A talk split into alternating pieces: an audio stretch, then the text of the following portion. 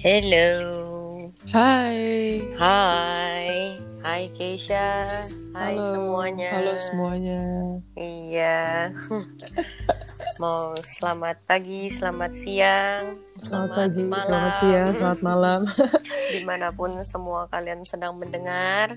yes. Mm-mm. Kita mau ucapin welcome dulu nih ke Mm-mm. podcast, Podcast kita yang pertama. perdananya, Mm-mm. perdananya IMU Intelligence and Music Indonesia. Betul.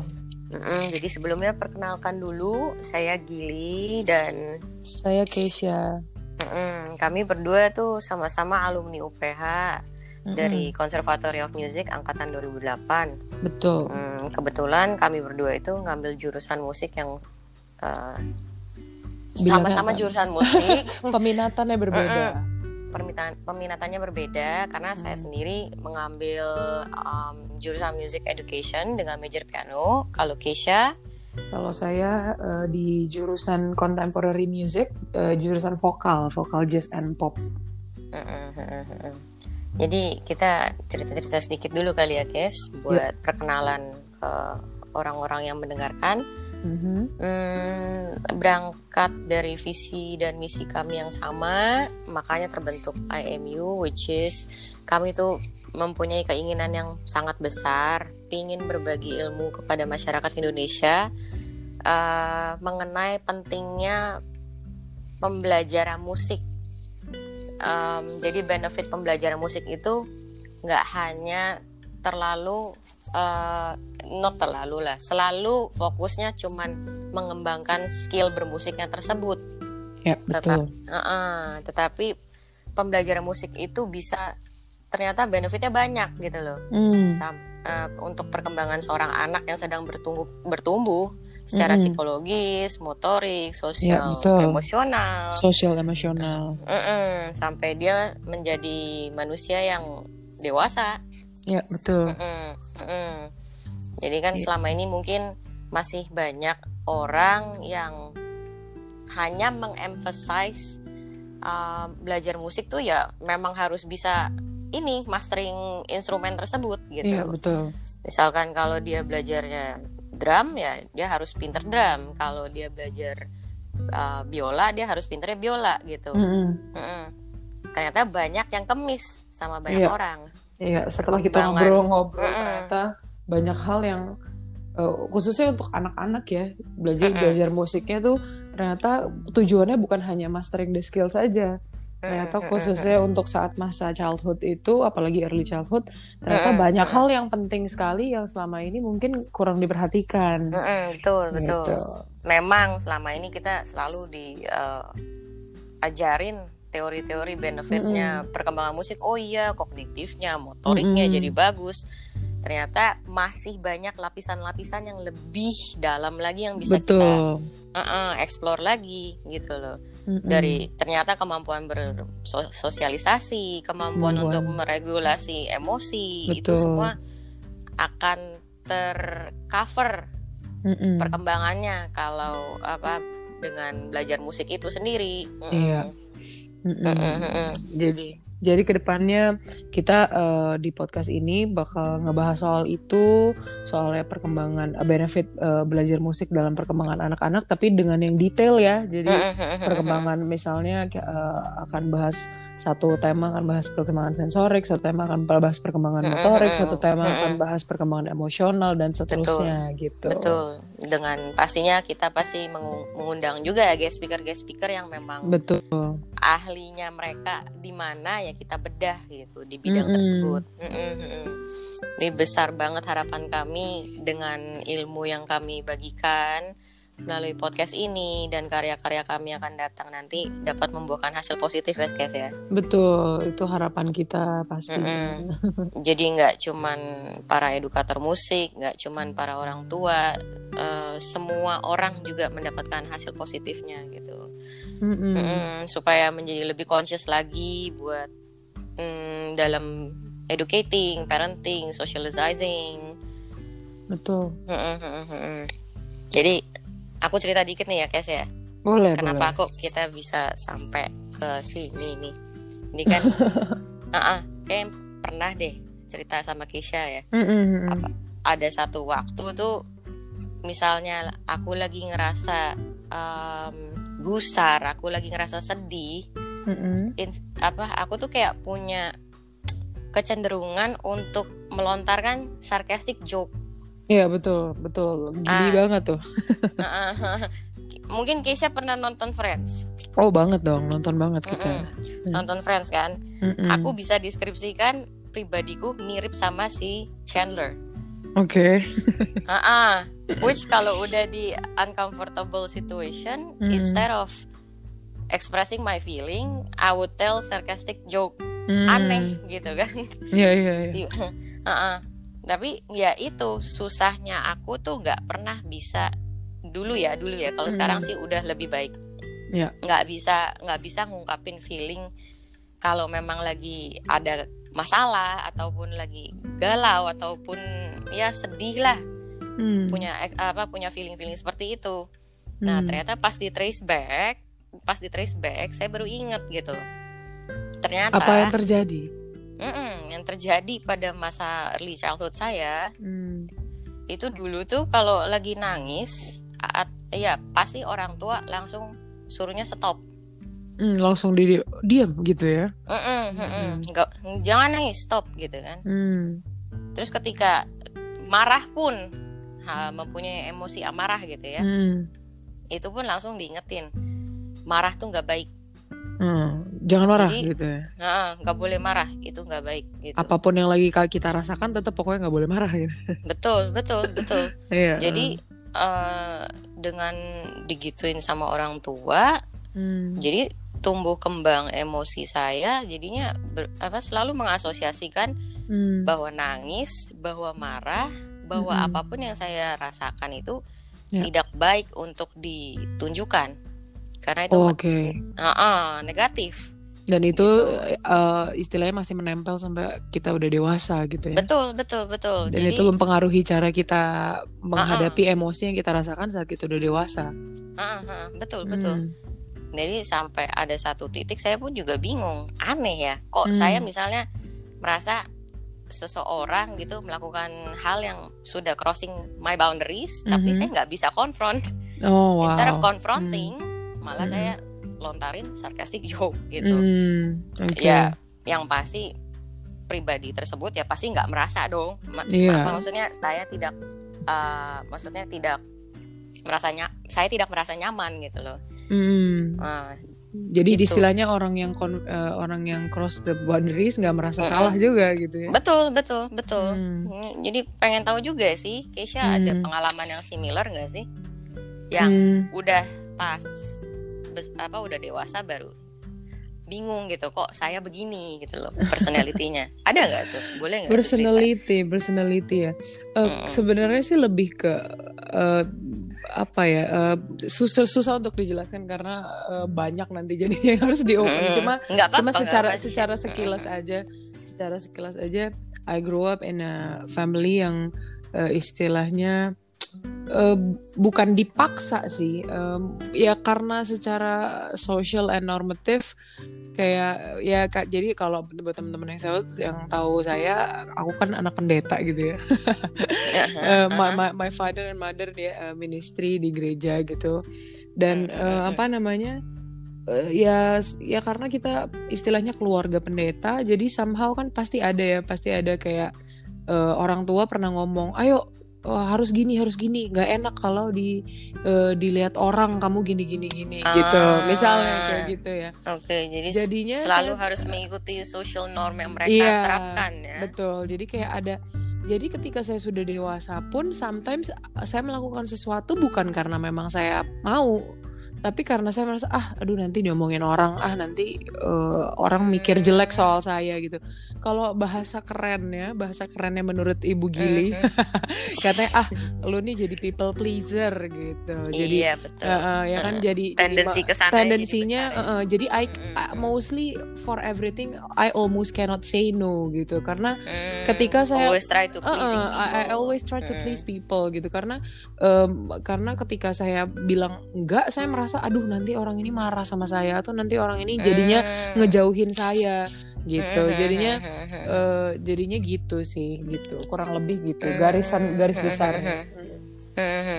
Tapi sejak kapan nih kira-kira Kisha tuh kok bisa nyadar bahwa oh ya ampun hmm. apa yang diterapkan oleh orang tua saya dari kecil kebawa sampai saya menjadi seperti ini? Dan ka sejak kapan apa uh, bisa menyadari bahwa this is not good for me. Mm. People pleasing is not good gitu loh. Mm. I mean yes you need it sometimes tapi yeah. kan kalau jadinya terus benar-benar mengorbankan kan? mengorbankan my feelings gitu ya istilahnya. Ya, yeah, and then it's not good as well for your mental health, right? Betul betul. Uh, uh-huh. Sebenarnya sih udah sebenarnya aku udah nyadar dari dari dari dulu pas growing up lagi-lagi sama teman-teman SMP SMA gitu. Istilahnya uh-huh. saya uh, di tengah teman-teman yang punya opini yang jelas gitu, punya opini uh-huh. yang kayak oh pokoknya saya nggak suka ini, saya suka ini. Uh, kalau lo nggak suka, iya yeah, strong opinionated uh-huh. gitu kan. Sedangkan kalau aku tipenya yang oh nggak suka. Oh ya udah kalau nggak suka nggak apa-apa gue ikut aja gitu. Atau oh jadi oh lu mau ke sini ya udah gue ikut aja. Jadi kayak I let people decide for me gitu. Jadi kayak sebenarnya aku udah nyadar itu dari dari dulu. Cuma uh, mostly I think uh, dulu kalau dulu kalau dulu kan lagi zaman SMP SMA kan terkenal tuh yang kayak personality yang sanguin, kore, kol apa koleris, melankoli, melankoli, phlegmatic gitu. Jadi aku cuma saat itu aku cuma berpikir bahwa oh memang mungkin my personality ya pragmatis aja yang kayak I don't like to decide things. Aku tipenya yang suka damai apa gitu-gitu.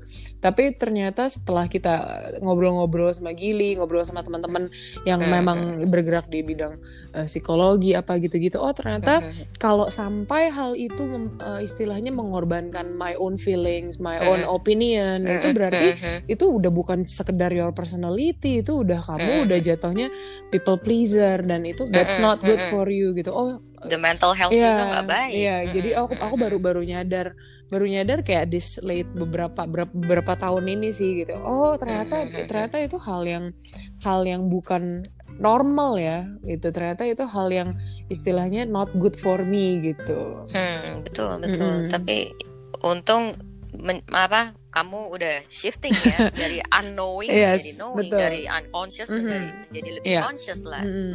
oke okay. nah memang jadi gimana ternyata nih aku cerita sedikit nih mm. jadi dari apa yang aku rasain yeah. plus Keisha kenapa rasain, kita bahas soal ini ya berhubungan sama judul ternyata podcast tuh, kita hari ini.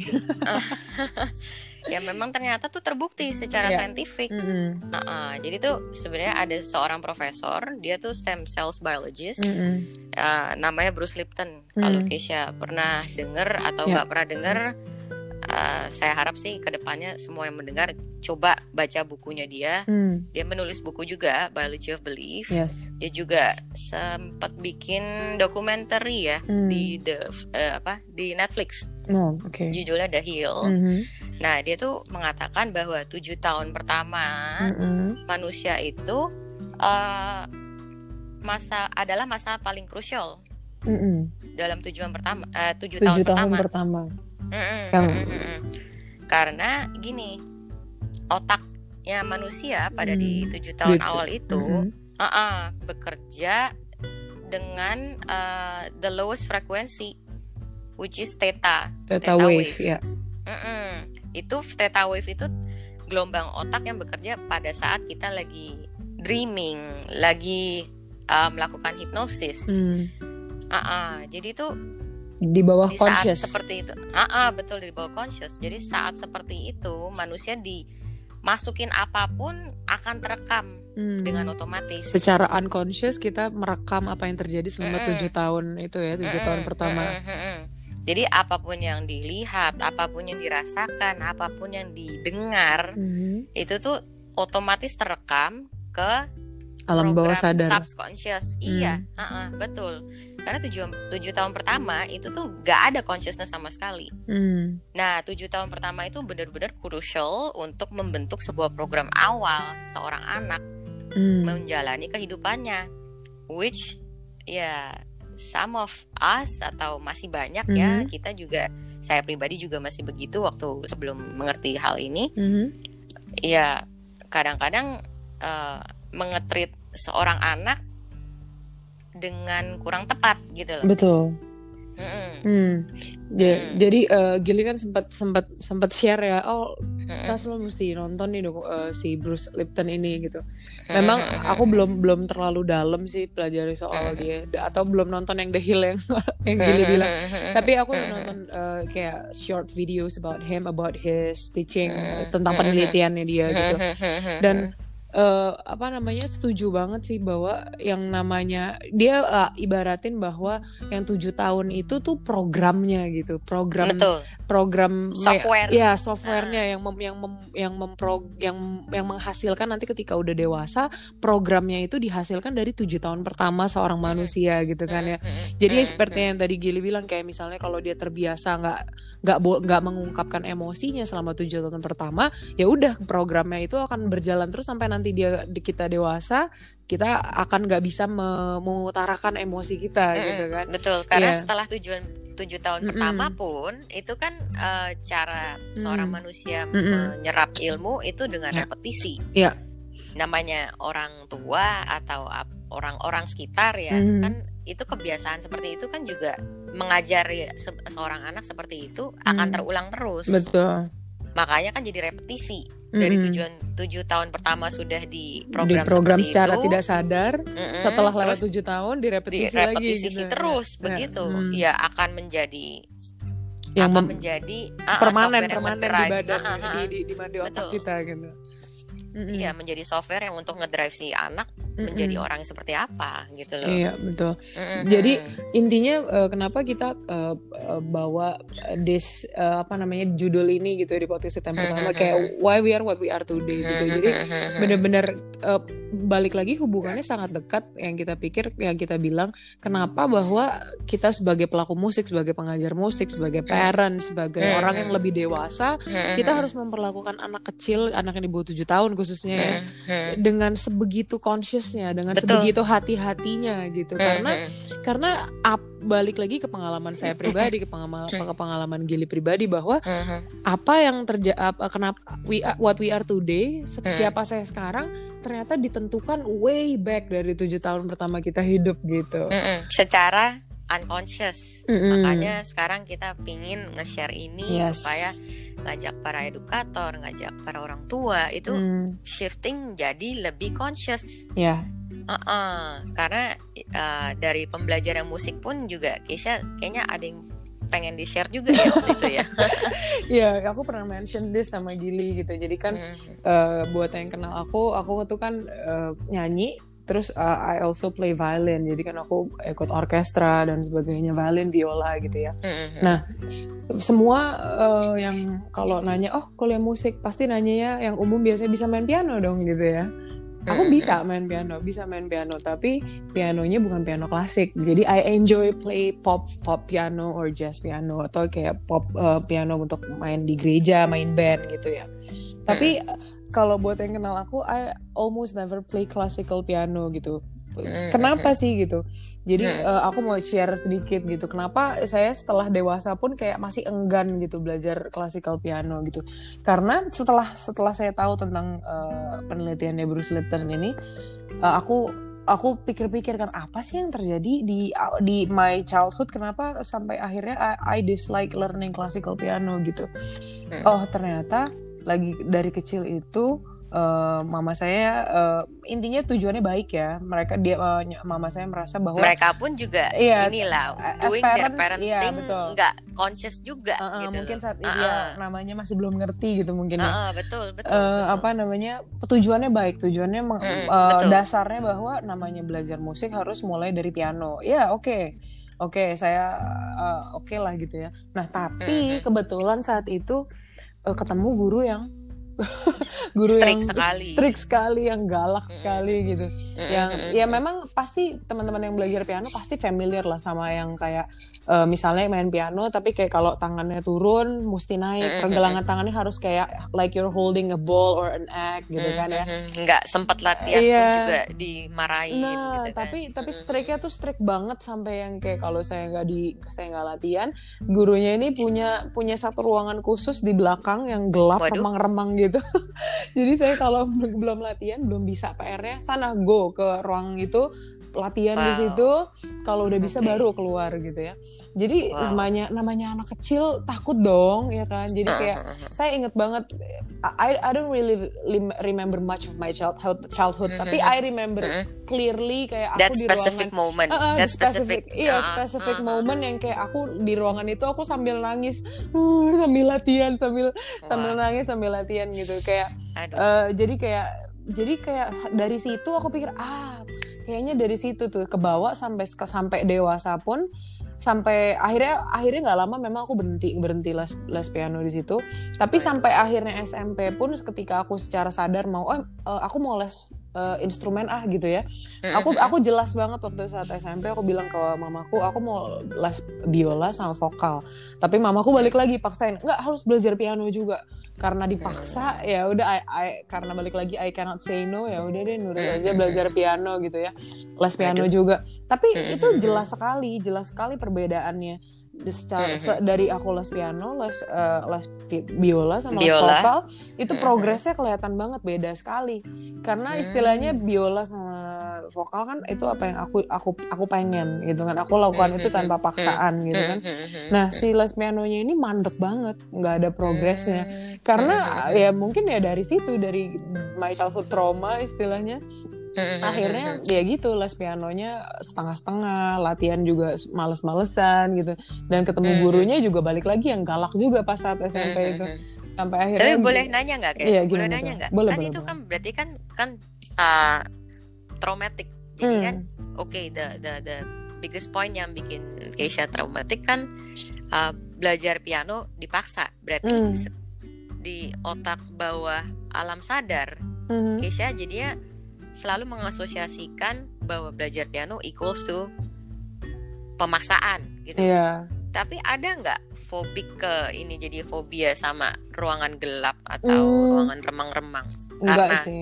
Untungnya ada ya? untung untungnya sih enggak. Oh, thankfully enggak. Thankfully Hmm. I don't have that kind of phobia gitu. Cuma Mhm, ya mhm, cuma mhm. I I relate kayak learning classical music sama dengan stressful, sama dengan difficult Hmm, gitu. Jadi kayak mhm, mhm, mhm. maksudnya kan kalau uh, buat orang buat teman-teman yang main piano ya ya memang belajar musik classical music susah gitu kan baca partiturnya apa gitu-gitu. Tapi kan you do it kayak ya udah memang I have to do this ya biar bisa Mm. gitu. Tapi kalau kalau buat aku kayak gimana ya kayak aduh susah aduh aduh kayak jadi Mm, kayak mm. secara secara nggak sadar kayak kayak memprogram diri sendiri bahwa ah, Mm, kayaknya nggak bisa nih main betul. ini gitu. Mhm, mhm, mhm, Betul. Gitu. Dengan apa dengan similar experience, Mhm. aku juga punya punya apa namanya guru yang very very strict waktu Mhm. saya masih ini masih childhood masih Mhm. kecil. Ya. Jadi memang uh, cuma mungkin coping mechanism kita beda. Hmm. buat eh, buat Keisha jadi traumatik, buat saya terbentuklah metode teaching saya Ah. karena saya kan hari ini juga edukator musik. Iya. Jadi ada satu waktu di awal-awal pertama saya pertama kali mengajar Mhm. itu ya saya pakai cara yang digunakan eh, si guru ke saya. Hmm, Iya. Saya praktekkan kembali ke murid-murid saya. Iya, kita lakukan Which- apa yang kita dapatkan Iya, gitu betul, lah ya. Betul. Which teaching music bener-bener strict, Hmm. punya pemikiran gue dulu dikerasin, Hmm, didisiplin sekali Berarti I have to do gue. the same thing sekarang gitu. Dan gue toh berhasil gitu, Hmm. dididik dengan cara seperti itu. Kenapa Iya. gue nggak pakai metode yang sama? Karena gue sendiri uh, mampu melewatinya. Mm-mm. Nah ternyata kan, wah itu secara unconsciously Mhm. Mengcopy metode yang sama, Iya, iya. repeat cycle Ah. yang sama. Betul. Dan se- sedangkan setiap anak itu kan punya karakter yang berbeda. Ternyata gitu ya. Mm-mm, ternyata gitu kan nggak it doesn't work for anyone, Mm-mm. everyone I mean. Iya, iya, betul, Ah. betul.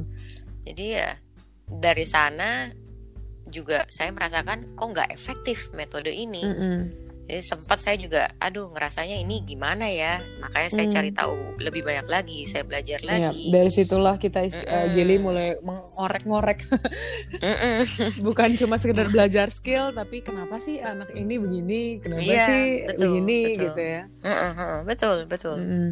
Betul, karena penting sekali untuk uh, Hmm. meng-acknowledge perasaan seseorang. gitu. betul Ya, Jadi kayak misalnya kayak anak-anak kalau Mm-mm. memang dia merasa sedih gitu ya kita jadi guru misalnya dia datang ke tempat les dia ngerasa Hmm. sedih Hmm. kita nggak boleh yang langsung halah begitu aja betul nggak nggak nggak usah sedih-sedih lah gitu doang gitu nggak Mm-mm. boleh nah tapi Istilahnya walaupun kamu lagi sedih, ayo tetap sini belajar gitu. iya kan maksudnya kita nggak bisa selalu mengorientasikan eh, murid datang yang penting gue ngajar dia gitu Iya, loh. dia mau langsung ngerasain apa pun istilahnya langsung dismiss their ah, ah, feelings betul gitu. betul itu Mm. jangan jangan gitu loh Iya, mm. jadi me- memang kalau mereka nangis ya ya udah give them time ya, Hmm. nangis kalau udah selesai you mau cerita mau acknowledge perasaannya ya ayo Hmm. gitu loh Hmm, Mm-mm. kamu tuh kenapa gitu loh harus Hmm. ditanya gitu Iya. Mm-mm. mm.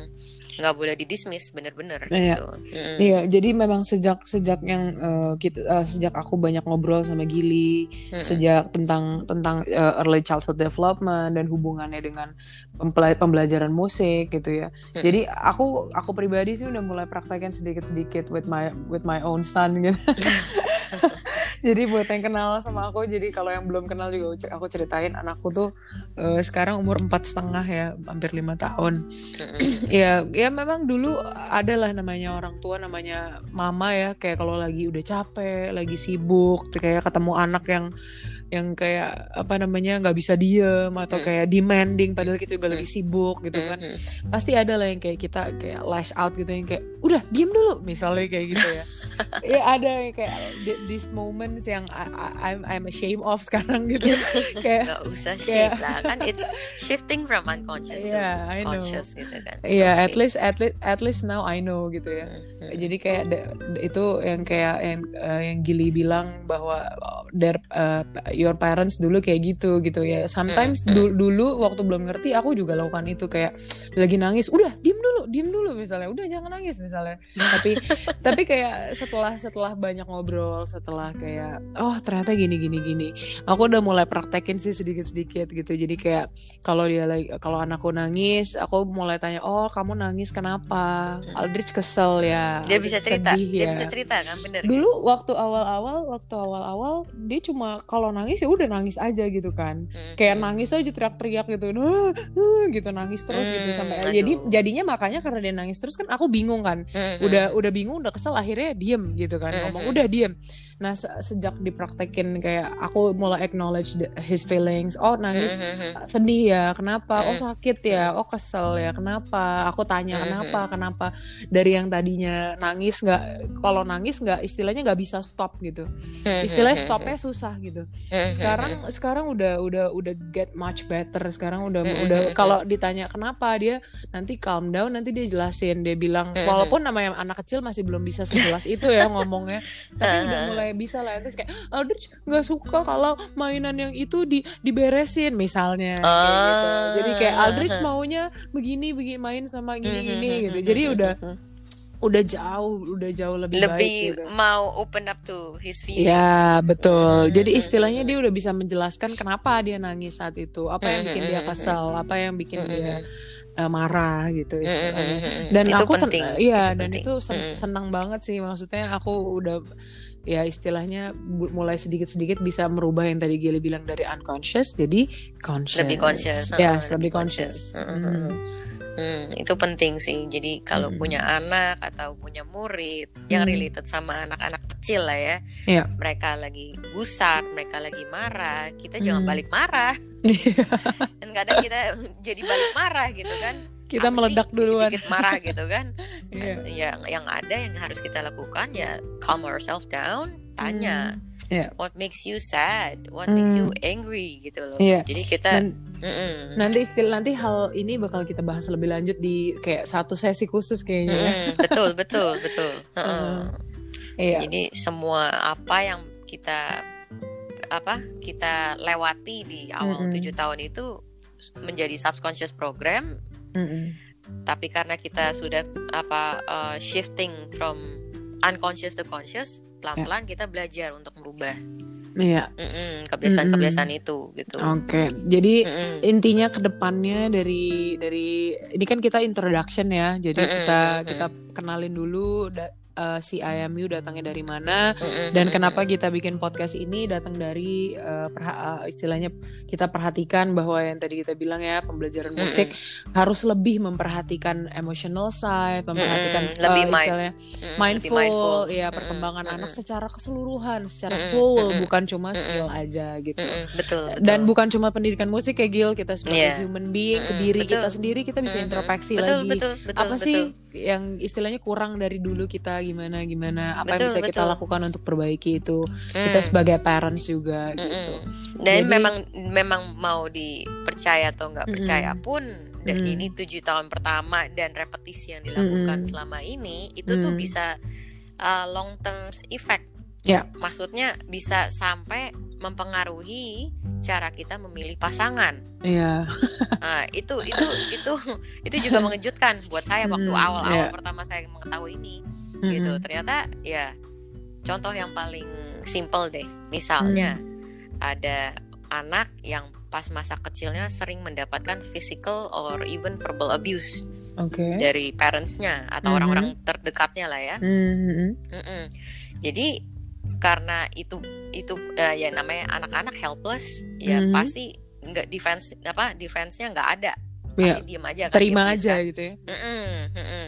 Tapi dengan secara tidak sadar itu terbentuk program di otaknya bahwa oh this is how they show their love Mm-mm. Ah, ah, Oh. dengan abusing.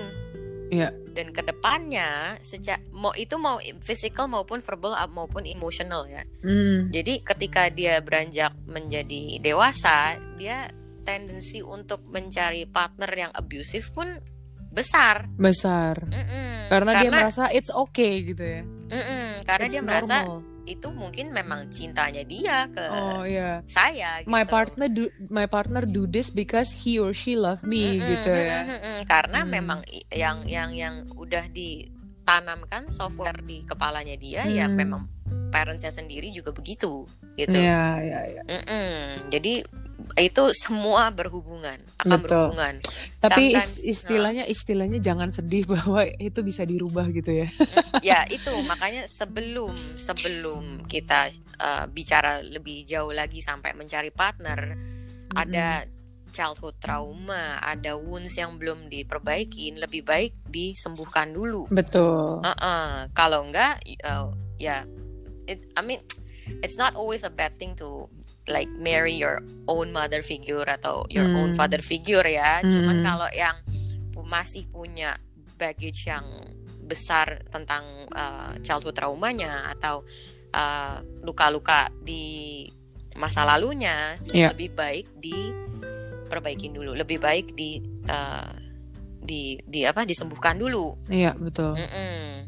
Mm-mm. daripada enak di cycle yang sama lagi gitu loh. Betul. Da- secara nggak sadar pula gitu kan kenapa Mm-mm. jadi nanti enak kenapa ya hidup gue gini-gini aja gitu loh ya gitu gitu loh kok orang tua begini terus partner begini tapi ah udahlah nggak begini itu kan Iya, pemikiran yang Pemikiran yang salah salah, Ah-ah. betul. Ya, itulah jadi intinya harapan kami dari uh, saya Keisha dan harapannya Gili juga pastinya uh, IMU dan podcast ini bisa membantu kita semua sama-sama kita juga sama-sama belajar Mm, sama-sama bareng-bareng. belajar betul, Seiring betul. berjalannya podcast ini kita juga pasti akan banyak belajar lagi hal-hal baru yang pasti akan kita sharing juga ke teman-teman. Mm-mm. Uh, istilahnya harapan kita podcast ini bisa membantu kita sebagai uh, human being, sebagai uh, teacher, sebagai Mhm. parents. Sebagai older people untuk bisa kita uh, istilahnya be conscious dengan hal-hal yang selama ini kurang diperhatikan. Misalnya emotional side, perkembangan anak secara detail ya, secara Betul. sensorik, motorik, secara emosional, intelligent, Mhm. social. Jadi uh, intinya intinya kita berharap podcast ini bisa berguna gitu, bukan cuma dalam pengajaran Betul. musik, tapi dalam kehidupan sehari-hari kita juga gitu. Betul, betul. Supaya menjadi lebih aware, lebih mindful Iya. untuk mendidik anak-anak Iya. dan supaya mereka generasi-generasi yang akan datang ber- dapat bertumbuh dengan lebih baik, Betul. mindful serta yang paling penting happy. Yes, happy, happy is very Mhm. important. Mm-mm, mm, that's true, that's true. ya. Iya. Oke, Jadi- saya rasa udah cukup. Cukup ya untuk introductionnya. Betul. Oke, Oke, hopefully podcast ini meskipun perdana masih pasti banyak kekurangannya. Kami dengan tangan terbuka, hati terbuka menerima saran dan kritik. Betul. Kalau ada yang mau mengirimkan message untuk kami, hmm, Boleh ke Instagram ya? Ya. Boleh ke Instagram, Instagram. kita apa? Coba disebutkan. at imu underscore Indonesia atau at imu underscore Indonesia itu ada Instagram kita di situ juga ada beberapa live chat yang udah kita lakukan sebelumnya Mm-mm. soal online teaching soal well-being soal dan ada juga beberapa klip soal uh, pengajaran music in a fun way using fun instruments colorful Mm-mm. colorful instruments yang kebetulan kita juga provide Mm-mm. buat teman-teman yang mau cari instrumen Mhm. seperti itu Mm-mm. eh, dan mau beli mungkin boleh kontak kita langsung di imu underscore Indonesia at betul. imu underscore Indonesia Ya, betul, gitu. betul. boleh langsung DM kita aja kalau ada pertanyaan ada masukan buat podcast podcast kita buat eh, buat apa pun mau ngobrol atau pingin kita. ya pingin ngobrol atau Yes. sekedar sharing atau Mhm. pingin yuk collab yuk gitu oke ya just drop boleh us a boleh message. banget Uh-uh, yes betul oke oke mudah-mudahan podcast hari ini dapat membuahkan positif Yes, Ini ya. betul positif Mhm. val- apa values buat banyak orang yang mendengarkan oke yes Mhm. Nanti sampai jumpa di episode podcast kita selanjutnya.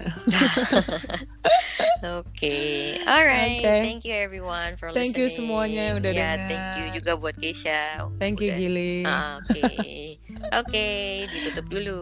Thank Oke, you. bye. Bye.